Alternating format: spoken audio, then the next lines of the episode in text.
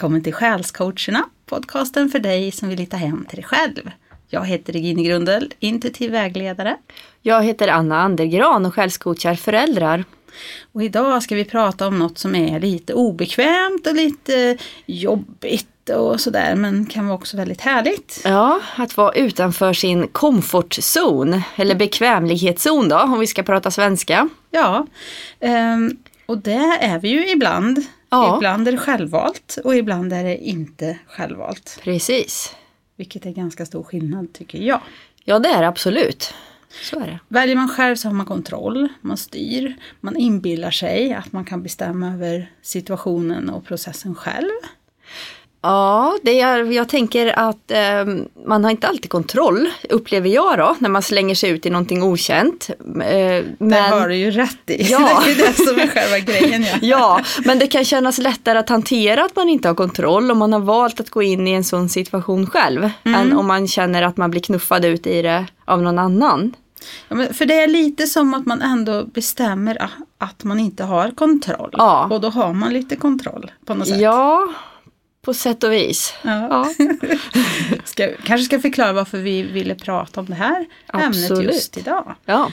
Det är så här att jag har slängt mig ut i det här äh, okända ett antal gånger i mitt liv. Bland annat precis just nu. Mm.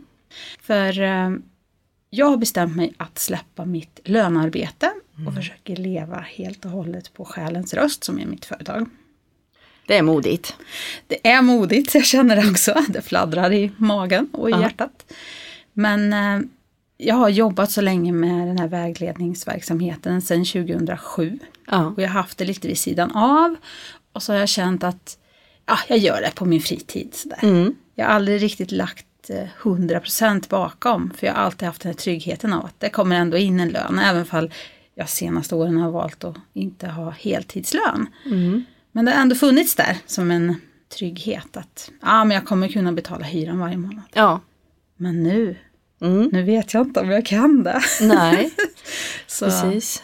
För min sambo jobbar ju också i vårt företag. Ja, Så vi båda är ju insmetade i detta. ja, Vi måste liksom få vi måste få inkomster för att klara oss. Så Ja. är det bara. ja.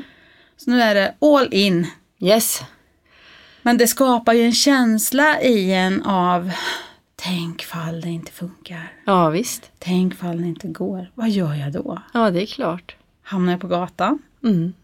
Men vad jag blir nyfiken på är ju vad, vad är det som driver en? När man väljer ändå att ta ett sånt jättesteg ut i, i ett sånt tomrum eller okänd mark eller alltså, Det har ju gått lite i steg för mig. Jag längtar ganska många år. Jag jobbar ju som eh, beteendevetare, eller jag jobbar som skolkurator både på komvux och, och grundskolan i flera år. Sen jobbar jag på Arbetsförmedlingen i flera år. Eh, både som SIUS, alltså när man jobbar enskilt med de som behöver komma ut i arbete och behöver mer stöd. Och på, på kundtjänst som var liksom för alla ja, väldigt olika bitar. Eh, sen så jobbar jag på ett boende för ensamkommande i Degerfors. Och, men de sista åren där så kände jag det här att det kröp i mig. Mm. Jag var inte riktigt nöjd. Jag tycker om att jobba med människor men jag var liksom, jag var inte rätt. Det Nej. skavde någonstans. Och då var ju första gången, 2012 var första gången som jag var så här riktigt modig. ja, För då sa jag så här, nej nu säger jag upp mig. ja. Bara utan att ha något, bara rätt ut i luften så. Mm. Och då hade jag inte heller någonting mer än mitt eget. Men då blev det så här att min bror startade ett företag och sen Ja. behövde han lite hjälp i det och så blev det att jag jobbade deltid hos honom då. Mm. Så nu har jag jobbat deltid på Lusaskens TS i sju och ett halvt år. Ja, Så det blev ju inte så modigt som jag hade tänkt mig den gången. nej, men ändå. Det är ett stort steg. Det var ett stort steg och jag var, kände mig jättemodig. Men det här med att hoppa ut i det okända, det är, ju, det är ju inte något som man gör.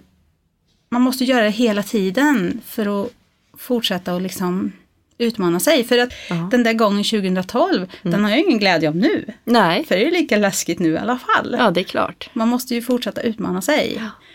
Men, eh, men det här är att, att sluta med det här jobbet hos brorsan nu. Det är ju faktiskt lika svårt Mm. som förra gången jag Ja. slutade. Så samma sak egentligen. Ja, precis. Fast den här gången har jag Förra gången var jag väldigt trött när jag slutade. Jag kände Mm. det var skönt att bara få liksom vila. Mm. Jag var nog ganska sliten. Jag vet inte om jag var i närheten av att kanske till och med få en sån här utmattningsdepression. Mm. Men då, då, då har jag vilat på något sätt. Mm. Tills för ett par år sedan när jag kom på att jag ville jobba ännu mer med mitt eget företag. Ja.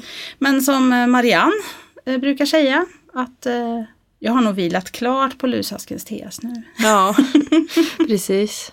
Jag känner väl att jag har mer att ge helt enkelt. Ja. Och stå och sortera återvinning och köra hela dagarna. Det är ju inte det som, som jag är bra på. Alltså jag, jag kan göra det, det är Ja. inte så. Men jag vill utnyttja min potential. Mm. Och jag tror att jag utnyttjar den bättre med att försöka och stärka människor. Att Ja. hitta hem till sig själv på olika sätt. Ja, och det gör ju du så jättebra. Så det är fantastiskt Tack, att du väljer att göra mer av det tycker jag. Ja, det känns som jag smitit lite ifrån det nästan. Och det är väl därför det är lite äckligt och otäckt och läskigt nu det här att bara kasta sig ut. För att jag tror ju att det är meningen att jag ska göra det här. Ja, Men vad händer om, om inget händer? ja, Om det inte kommer några kunder, om det inte blir någonting. ja. Risken är ju då att man börjar ifrågasätta hela, hela sig. Ja, det kan ju hända förstås att man gör det. Men det behöver ju inte heller vara fel att göra det man gör bara för att det inte går som man har tänkt sig, tänker jag. Jag tänker att allt man gör och är med om lär man sig av också och växer av och, och så vidare. Ja, och sen kanske det är så att om det inte funkar så man, man kanske får prova på ett annat sätt. Ja. nya vägar. Men Absolut. För det är lätt att gå vilse. Vi pratar mycket om det här att känna in med magen Ja. och sjunde sinnet och centreringen. Det är ju samma sak egentligen. Mm, Om man håller sig där, då blir det ju alltid rätt. precis. Fast det behöver ju inte betyda att det blir lätt. Nej, exakt så upplever jag det också. Men om man har frid på insidan och vet att man gör rätt sak. Man gör det som, som känns att det är meningen att man ska göra. Mm. Då är man åtminstone i harmoni på insidan. Och man kan i alla fall veta att man gjorde det man kunde. Att man inte liksom fegade och inte försökte ens. Utan att då vet man i alla fall att jag gjorde, jag, jag gjorde ett seriöst försök. Ja, och det är det jag, jag känner att jag måste nog göra det annars kommer jag ångra mig. Ja, Då kommer jag, när man är 80 år och inte orkar längre så kommer jag tänka, ja jag skulle ha provat när jag Ja. hade chansen. ja, så nu är det fullt ös, all in, eh, jobba med hemsidor och försöker hitta vägar ut, kanaler ut. För man vill ju synas nu då. ja så precis. Det, det är just det där, att hitta alla kanaler. Ja, precis. Och på tal om kanaler då, då, då har det ju också återuppstått på Facebook nu efter att eh, ha varit därifrån ett tag. Är det också lite så här utanför bekvämlighetszon eller? Ja, jag valde ju att kliva av Facebook för att det kändes inte riktigt rätt att vara där. Alltså. Det, jag kände mig lite stressad av det eller som, det blev krav på något sätt. Mm. Man såg allt som hände med alla människor och man ville bry sig om allt och alla och så hade man inte tid och ork att göra det. Nej. Då blev det mer en stress att veta allt om alla Ja. på något sätt. Ja, just det. Ehm, och det här att kika in ganska många gånger per dag för att se om något hade hänt. Jag, jag kände mig lite styrd av det. Mm. Och sen så får jag väl erkänna att jag tycker att eh, Facebook och många andra sociala plattformar faktiskt har eh, de har lagt censur på mycket saker. Ja, det har de. Det stör mig också faktiskt. Ja, de har begränsat det fria ordet tycker jag. Ja. Jag tycker absolut man ska begränsa saker som handlar om våld eller hat eller sådana saker. Men när det handlar om alternativ information Mm. Ja. som inte skadar någon. Mm. Då, då förstår jag inte varför man ska hålla på som man Nej, gör. man måste få lov att ifrågasätta rådande föreställningar ändå. Ja. Så Så, så anledningen till att jag klev in igen och aktiverade var ju för att det är helt enkelt den enklaste vägen att synas som företagare. Ja, Det är så. Så att jag använder ju inte mitt privata, min privata del annat än att lägga upp saker som har med själens röst att göra. Och själscoacherna då förstås. mm. Så det är ju de, själscoacherna och själens röst, det är det jag använder på Facebook just nu. ja, Så så är det med det. ja. sidospår kanske. Men hur känns det nu då att stå inför, inför det här? Men det är ju spännande också och roligt. Och så, jag, jag känner att det ska bli så skönt att kunna fokusera på en sak. Ja, För nu har jag varit så splittrad länge. Mm. Jag har egentligen varit väldigt trött efter mitt jobb, för det är väldigt fysiskt det jobbet jag har haft nu. Ja. Ehm, det, det tar fysisk energi. Mm. Och så har jag försökt att, att vara lite aktiv vid sidan av när jag kommer hem. Men då kan jag ju säga att jag har ju fokuserat ganska mycket på, på oss och själscoacherna också. Ja, med precis. att klippa avsnitt och, och, och spela in och, och ordna kring det. här Då. Mm. Så det har inte blivit så mycket över till mitt eget. Nej, det blir lätt så. Ja, och det har varit rörigt i huvudet och man har känt kravet att jag borde och jag, sådär. Men Mm. jag har inte riktigt varit där. Så jag tror att jag också har bromsat lite omedvetet Mm. flödet av kunder till mig eftersom jag egentligen inte har orkat och haft tid. Nej. Så det ska bli jätte, jätteroligt att känna att bara öppna famnen och Mm. säga nu, nu är jag redo, nu kan ni komma. Ja. och så har jag ju skaffat kontor igen. Ja. Och det är ju där vi sitter nu. Yes. Och det tycker jag att jag har fått till bra. Jag tycker det är skön känsla här inne. Ja, jättefint och mysigt. Härligt. Och eftersom vi har anpassat det efter poddinspelning också med ljudpaneler och så, så blir det som att man blir nästan omfamnad när man kommer in. Ja. Det är så härligt att komma in i ett rum som är lite dämpat sådär. Ja. Så att jag tror det är bra förutsättningar. Mhm.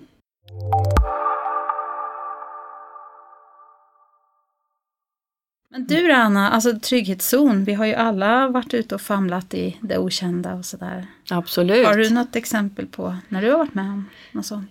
Ja, alltså. Det finns säkert många, men det jag tänker på är ju det här med att gå live. Ja, just det. Det är ju också en På grej. tal om sånt som du kanske också ska hålla på med framöver. Jag har ju börjat någonting- träna lite med dig här. Ja, precis. Ja. men det är ju någonting som eh, var något fruktansvärt hemskt i början tyckte jag. Alltså det var ett enormt motstånd. Vad var var- det som kändes hemskt? Ja, jag vet knappt, men, men vad jag märkte var ju att Alltså hela mitt system gick igång och larma och tyckte att det här är fara, fara, fara inför möjligheten att trycka på den där knappen gå live. Mm. Så jag fick ju öva mig och liksom spela in och lägga ut sen och sådär. Och, och inte göra det live. Och sen så provade jag att göra live i en grupp som var liksom hemlig och stängd där bara jag fanns och ingen faktiskt kunde se. Mm. Det var ändå så att det här systemet drog igång inför att gå intressant. live. Jätteintressant. Så att ja, det fick jag jobba med mycket. Men sen så har jag ändå trots allt gjort det och gjort Ja. det igen och gjort det igen. Och i början hade jag kanske manus och sådär lite mera. Och sen mera stolpar om bara någon tanke vad man ska prata om ungefär och förmedla och så har det utvecklats till. Så bara genom att fortsätta fast det är läskigt och göra det ändå och göra det ändå och fast man tycker det blir jättedåligt ibland så gör man det ändå så här.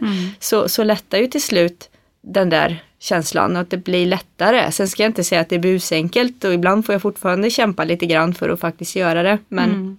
men det blir mycket lättare när man fortsätter att göra det. Då kan man ju säga att man vidgar den här komfortzonen genom att ändå utsätta sig för det som är lite läskigt och märka att man faktiskt fixar det. Och att det går bra, man överlever. Och till slut kanske man till och med blir lite trygg i den där Ja, zonen. som mer i alla fall. Ja, början. precis. Så man utvidgar ju sin bekvämlighetszon genom att utmana den. Mm. Är det samma känsla ungefär som när man gick i skolan och skulle hålla föredrag? Ja, det är det nog. Och det var nog därifrån delvis som den här rädslan kom också. För där hade jag kanske fler negativa upplevelser än positiva. Vill du dela något? Jag tror, många, jag tror nämligen många känner igen sig. Ja, jag vet inte om jag har något specifikt tillfälle som var jobbigare än något annat. Men jag tyckte nog allmänt att det var jobbigt. Och kanske inte de allra första gångerna när man var lite yngre. Utan det här var nog något som växte efterhand. Speciellt tror jag i den här åldern ja, men tidiga tonår, liksom högstadiet och sådär, när man också formar sin självbild och det var viktigt vad andra tyckte. Och så tyckte man inte att man fick något direkt positivt bemötande då, då utan att man kände sig bara dålig och fel och ful och liksom pinsam sådär. Att Synd. man snarare fick hån liksom och så mot sig. Och, och det är säkert ingen som menar något illa så, utan det är ju så Så det funkar Ja, man, man skrattar i grupp liksom. Det är en sammanhållningsgrej också. Liksom, att man, ha något att skratta åt tillsammans sådär och så. För det där upplevde jag också i skolan att det var egentligen inte så att jag fick några negativa kommentarer eller sådär men, men jag tyckte det var jättejobbigt att stå inför folk. Ja. Men det var ingen som såg det på mig för jag fick höra efteråt att det var orättvist att jag inte var nervös och sådär. Men jag Ja, stod ju ja. där, papperna fladdrade ju i handen på mig. Jag Ja. tyckte det var jättejobbigt. Ja. Men sen tyckte jag, när jag gick på högskolan sen så hade vi mycket övningar och vi fick till och med filma oss när vi hade samtal och sådär. Ja. Och, och sen när jag jobbade i skolan som kurator så fick man hålla föredrag inför lite större grupper ibland. Jättenervöst, men det är som en träningssak. ja, det är ju det. Att man vänjer sig. Men, Mm. men det är som du sa där, man måste våga utsätta sig för det där Ja. obekväma för att komma vidare till Ja. den där bekvämlig, den där sköna känslan i det. Ja. Och jag vet inte om det, for, det är nog fortfarande kanske inte en riktigt skön känsla för mig att ställa mig inför massa folk. Jag tycker fortfarande att det är obehagligt. Och under många år så undvek jag det helt. Men sen i arbetslivet så har man ju ändå fått, fått vänja sig vid det, att prata åtminstone inför grupper. Så. Eh, och det, ja, som sagt, det är ju så det funkar. Det blir lättare när man, när man håller på med det, när man fortsätter. Vad är det Mm. som motiverar dig att göra det där när du hade sånt motstånd? Ja men det är ju att det som, det som behöver förmedlas behöver förmedlas. Det är ju det liksom, att flytta fokus från sig själv. Jag gör ju inte det för att jag vill synas och ta plats och höras och få blicka på mig egentligen. Utan det är ju för att jag känner att det som jag ska förmedla behöver förmedlas. Det här behöver folk få veta och höra. Och det är ju samma om det är någonting på jobbet som man ska som behöver liksom presenteras eller förklaras eller diskuteras eller vad det är. Liksom för att man ska komma framåt med det som man har inför sig. Så alltså, det är att flytta fokus från sig själv lite till själva grejen. Det tror jag faktiskt är en väldigt bra grej. När Ja. man känner att man inte kommer undan. Liksom. Ja.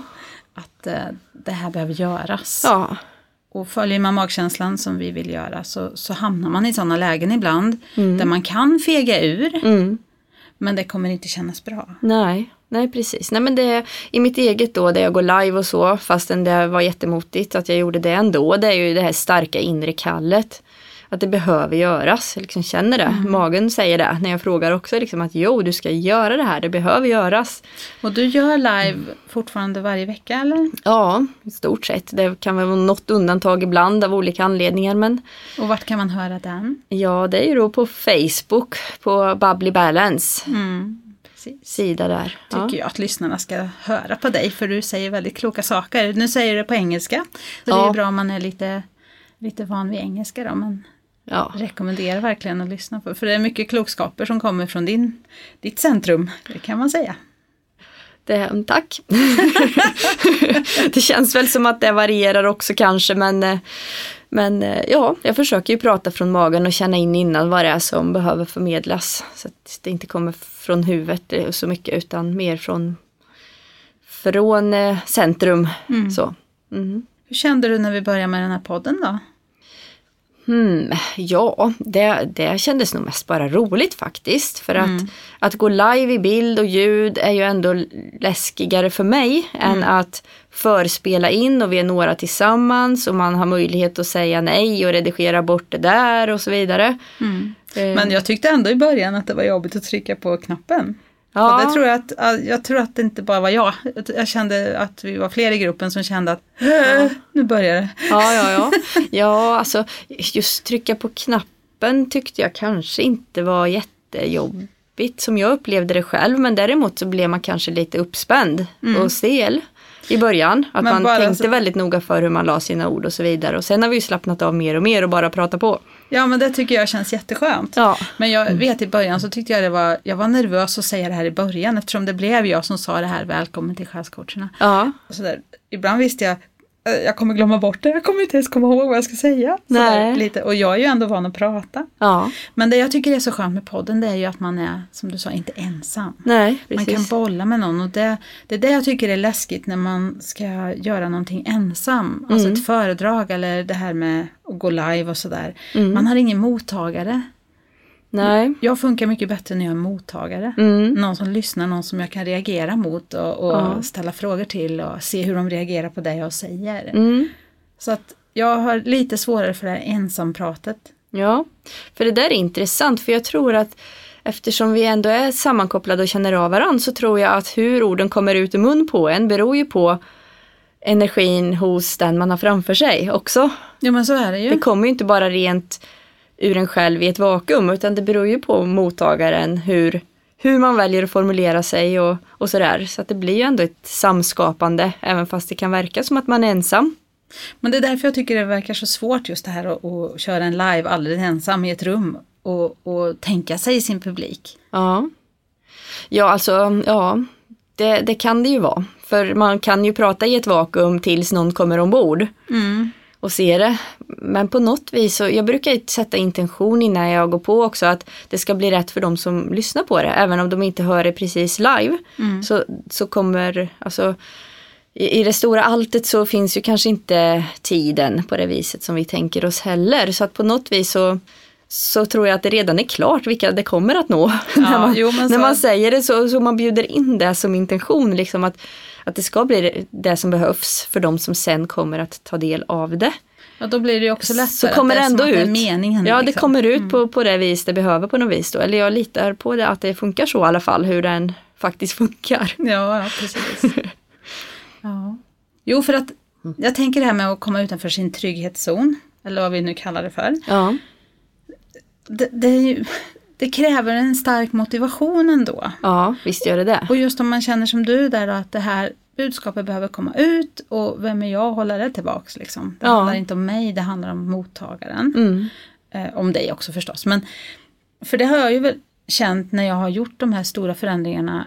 Jag tycker att jag har gjort tre stora förändringar i mitt liv. Mm. Sen många, många mindre som också kan påverka en mycket såklart. Mm. Ehm, och då tänker jag inte på det här med att få barn och sånt där. Utan stora beslut man har tagit som Mm. har påverkat ens liv.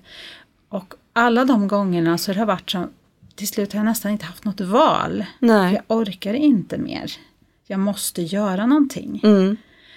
Och jag tror att för mig, om jag inte hade gjort någonting de här gångerna, då hade jag hamnat i en typ utbrändhet eller något sånt. Mm. För att det fanns ingen energi kvar, det fanns inget att hämta längre, jag Nej. var tom. Mm.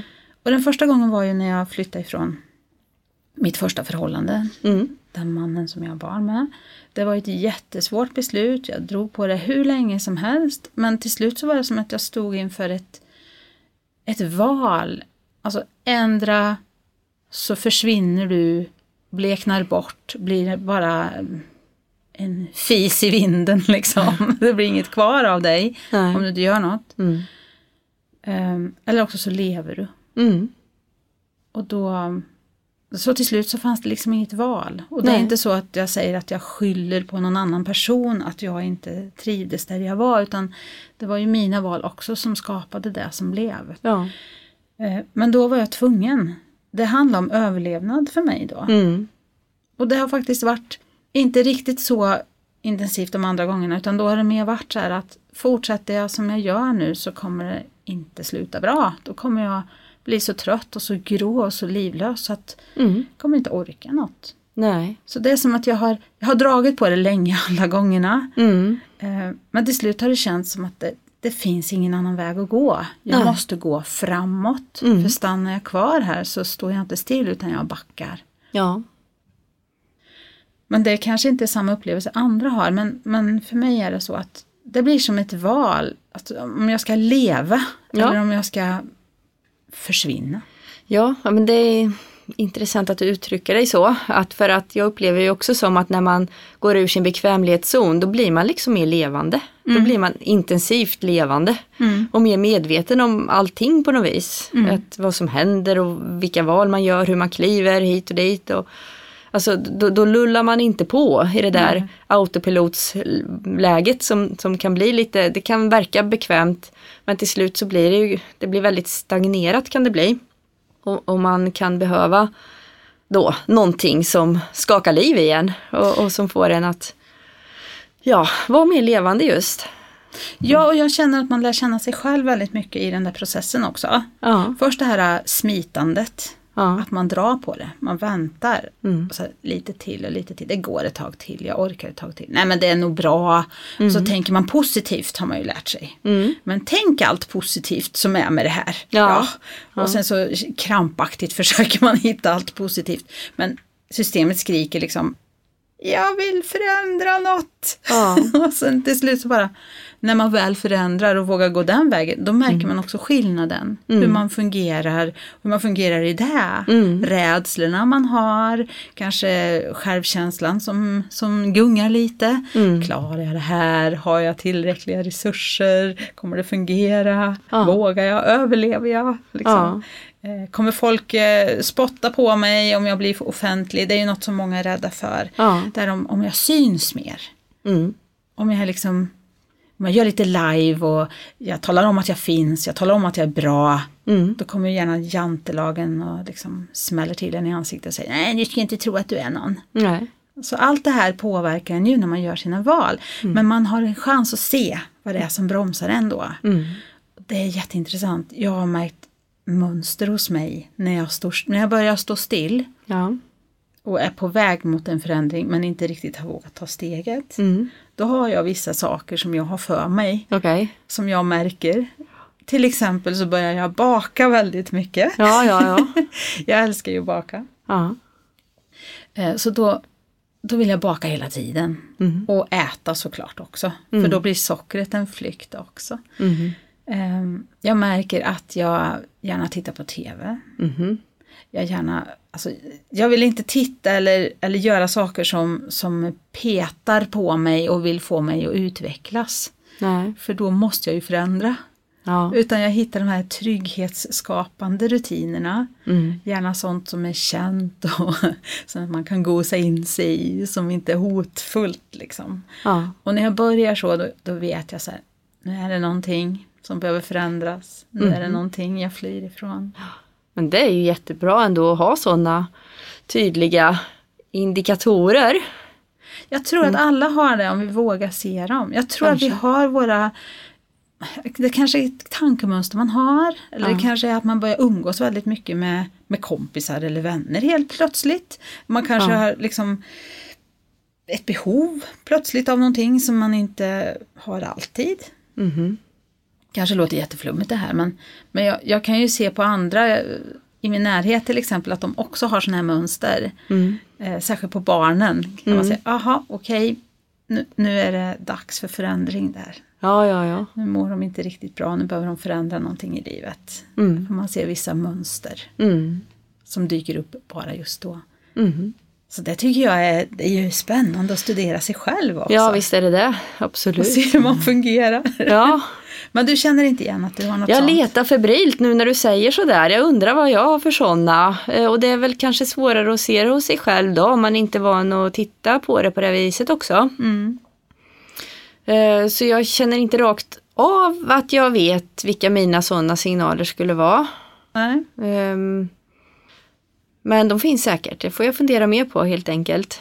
Min sambo till exempel, han, han gräver ju när, gärna ner sig i nya projekt och sådär. Ja, För att om det är stillestånd och inte händer någonting ja, och någonting behöver förändras, det är en jobbig känsla. Så då, då hittar man på ett nytt projekt ja, ja. ja. och, och gräver ner sig i det och jobbar hårt med det. Liksom, Mm, för att slippa och, och, och tänka på vad som händer i tomheten. ja. Så jag tror att när vi flyr ifrån det stilla, Mm. det här ähm, jag vet inte om man kan kalla det för meditation, men den här stilla känslan i sig. Mm, när man är i kontakt med sitt centrum och, och hör sin inre vägledare och det. Ja, eller att man bara känner att det är lugnt och skönt där inne, att det bara är tyst. Mm. När man flyr ifrån det, Ja, då är det dags att titta på vad det är som skaver i livet. mm. Då är det nog dags att kanske börja närma sig utkanten på trygghetszonen och se Mm. om det finns några dörrar som öppnar sig där. Mm.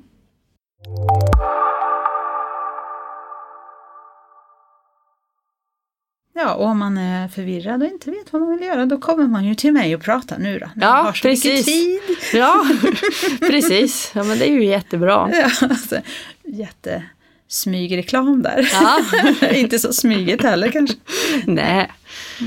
Nej, man kan nog inte driva företag i smyg heller riktigt. jag utan försökt. man, man måste nog ut och synas då. Ja, Det kommer inga då kan nej, säga. det gör ju inte det. Nej, men det är, också så här, det är också intressant för jag tror att vi får hjälp Mm. från universum och, och energier omkring när vi vågar öppna upp lite. Mm. När vi är redo för att jag tycker att sista månaden så har Mm. det dykt upp nya människor i mitt företagsliv då, om man säger på olika sätt. Som jag inte vet ens hur de har hittat mig. Nej. Men de har hittat mig. Mm. Så jag har haft lite bokningar redan nu fast jag känner att det, det är skönt om, om det kommer från första november då. Ja, Jag vet inte mm, när vi skickar ut det här i etern men första november är ju det datumet som jag börjar på heltid med Själens röst. Ja. Men just den intentionen som du pratar om också. Mm. Man sätter en intention, man är redo, man vågar. Det Ja. finns liksom ingen blockering bakom utan nu, nu öppnar jag spjällen och kör. ja. Jag tror när man gör så i en förändring då bjuder man in energier ja. på ett bra sätt. Ja, hoppas det. Eller jag menar, det borde funka så. Mm. Ja, när man är redo dyker ju läraren upp brukar de säga. Ja, så säger de också, precis. Men när man är redo så dyker nog det som man är redo för upp också. Ja, det är nog så. Vad den är. Ja. Blir det lagom flummigt det här tycker du?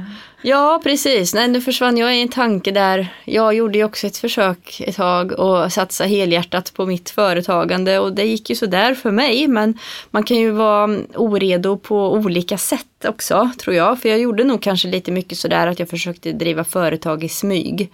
Att det blev oproportionerligt viktigt hur hemsidan ser ut och vilka sociala kanaler man har och sådär, sådana saker. Än att faktiskt gå ut och och, och höras och synas inför de som kan behöva en. Ja, och göra det där äh, som vi tycker äh, kanske tar emot lite båda två, synas Ja, som sig själv. Och ta lite plats och Ja, stå för vad man gör fullt ut. och ge sig ut där på utsidan av väggarna och Ja. inte bara sitta i sin egen Nej, trygghet och gömma sig bakom en sitt- logga och, och, och blogga och sådär, sånt som är mysigt och roligt. Utan, Ja. ja, Nej, för jag märker Mm. när, när man är ute på mässor och sådana där grejer eller om man gör något företagsbesök eller bara kommer på något ställe där det finns en grupp människor ja, eh, på riktigt, inte bakom en skärm då. mm, Då blir det en annan grej. ja, det är klart. Och det ger ringar på vattnet som man Mm. kanske inte ser på en gång men, men det är en helt annan sak. Ja, Just det här att möta människor mm. ansikte mot ansikte. show up. Ja, och särskilt idag när vi har så lätt att göra det via sociala medier. Mm. Jag tror att det är viktigt. Jag vet att det är coronatider och att det finns restriktioner och, och sånt där. Men jag tror att vi behöver varandra. Ja, Vi behöver träffas. Vi behöver se varandra i ögonen. Vi mm. behöver prata med varandra. Känna varandras energi. Mm. Och vill man hålla avstånd och inte vara nära sådär, ja men då gör man det. Då håller man avstånd men man kan träffas ändå. Mm.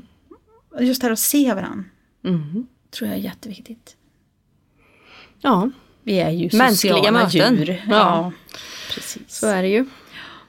Jag, Ja. gi- jag gillar mänskliga möten. Ja. Ja. ja, det är bra. Ja. Jag hoppas att du får jättemånga sådana, att många tar chansen här nu och boka in sig. ja, det hoppas jag också. Men eh, jag, jag känner en ändå lugn känsla i magen faktiskt. Att det blir som det ska. Ja. Och ger det här en ärlig chans och det inte funkar. Då kan jag ändå vila i det. Mm. Då har jag gjort vad jag kan. ja, precis. Och eh, det känns väldigt bra.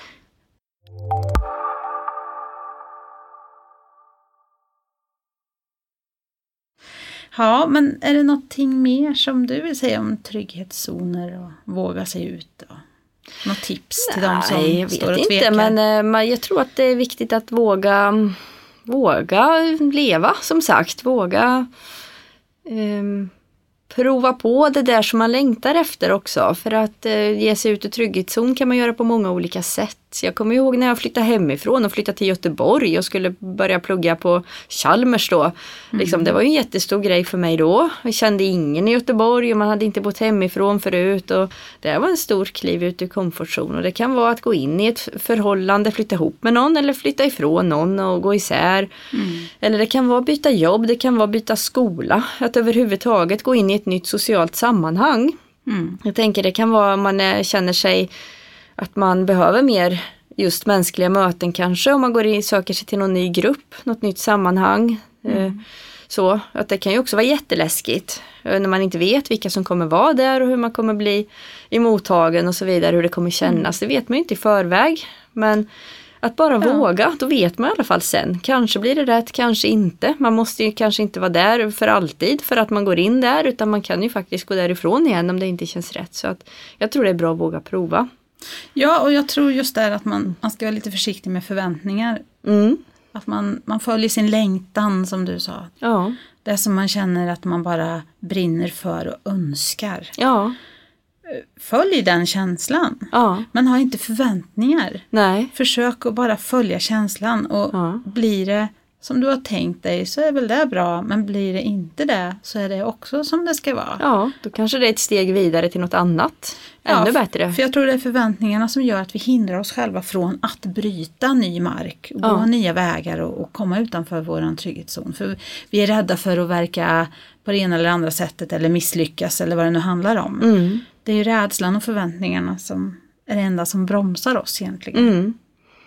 Och sen kan det också just hjälpa att vända på tanken att hur jag ska tas emot och rädslan för det och istället tänka eh, liksom hur, hur funkar det här och vad kan man bidra med här? Eller hur kan man hjälpa andra att känna sig bekväma med att jag kommer in här nu till exempel? Eller liksom hur man kan vända på det. Att det behöver ju inte alltid handla om, om mig heller utan det Nej. kan handla om det som behöver göras eller vad andra behöver och sådär också. Ja, och då blir det lite mindre spänt för då, Mm. Ja. då får man fokus utanför sig själv Ja. och då blir det faktiskt lättare. Ja det kan det bli. Man, man flyttar det liksom från att det handlar om mig, som du sa, Ja, så handlar det om andra. det finns ju en större bild också. Ja, precis. Ja, det är bra. Mm. Men du, innan vi börjar sända här Ja, så um, pratade du om en annan sak som jag också tror jag har upplevt att många har den känslan av otrygghet eller rädsla eller läskighet inför att prata om sin andlighet. ja just det. Det nämnde jag ja, i förbifarten. Eh, Ja. För jag är ju då som sagt utbildad civilingenjör och har gått en ganska så professionell väg eh, med ett så här ordentligt CV där jag kan visa vad jag minsann är en professionell människa och så. Eh, Och har levt kanske under en period i alla fall, om inte på ett så här ganska tillrättalagt sätt som det kan se ut utåt åtminstone. Och skött de här mer andliga sökandet och det för mig själv. Lite i smyg då, då alltså läsa böcker och så. Som man kanske inte skyltar med utåt, att man upptas av sådana frågor. Eh, och att sen därifrån gå ut och säga hej, här är jag, jag jobbar med själsgrejer och så, healing och allt möjligt. Så. Ehm, helt öppet samtidigt som man har kvar det här professionella spåret också. Det där var jätteläskigt och det, var, det var ett stort steg för mig också. Hur länge var det läskigt då? För nu sitter du här och gör en podd Ja, och det du lajvar och Ja, det är allt precis. möjligt. Du, du är ju väldigt öppen med din andlighet Ja. idag. Ja men det har nog varit både en process och att man till slut bara får ta klivet. Mm. Det har nog varit både och. Mm. Dels en bearbetningsprocess så att man kanske smyger igång det lite grann, att man väljer att öppna för vissa och i vissa sammanhang. Och det här med att ha företag i smyg har jag också provat lite grann, det gick ju inte så värst. um, gömma sig bakom loggor och sånt och kanske inte synas så mycket själv och kliva i det fullt ut och så vidare. Mm. Men eh, sen, ja det var nog också när jag gick i väggen en sväng där. Ehm, och det kan man ju göra, det låter som att det är etta nolla svart och vitt och det är det ju inte riktigt heller kanske utan det finns väl olika grader där också hur djupt man hamnar och så vidare. Så jag tog mig ju tillbaks ändå på några månader Mm. ehm, till ett ja, norm- normalfungerande som, som man skulle kunna kalla det. Vad nu som nu är normalt vet jag inte i alla fall. Ehm, då kände jag i alla fall att jag måste jag, jag fick ju, jag blev tvungen att gå på djupet med mig själv och vad är viktigt och varför är jag här och vad är meningen med det och allt det där och hur, vad behöver jag egentligen för att må bra och kunna fungera och vilja fortsätta leva Mm. i den här världen som mig. Och då, då blev det väldigt tydligt att jag måste få lov att vara mig och stå för det. Jag kan inte liksom bara spela en roll och så här, hålla någon fasad utan jag måste få stå för att jag är faktiskt sån här. Och jag har också rätt att vara här. Eller jag är här i alla fall. Mm. Uh, deal with it. Ja, precis. ja. Och, och då, då blir det kanske så ofta att det är stort för en själv att ta ett sånt steg medan för andra är det kanske inte så stort egentligen och livsomvälvande. Om jag är intresserad av det ena eller det andra märker man ju då Mm. att jag, jag kan, alltså Okej, okay, tycker de flesta. Ja. Ja, ja.